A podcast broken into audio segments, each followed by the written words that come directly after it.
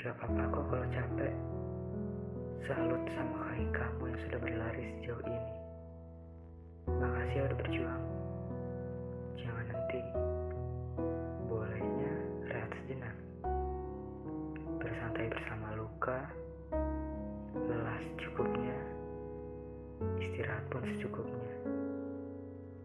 Masih jauh jalan yang harus dikejar.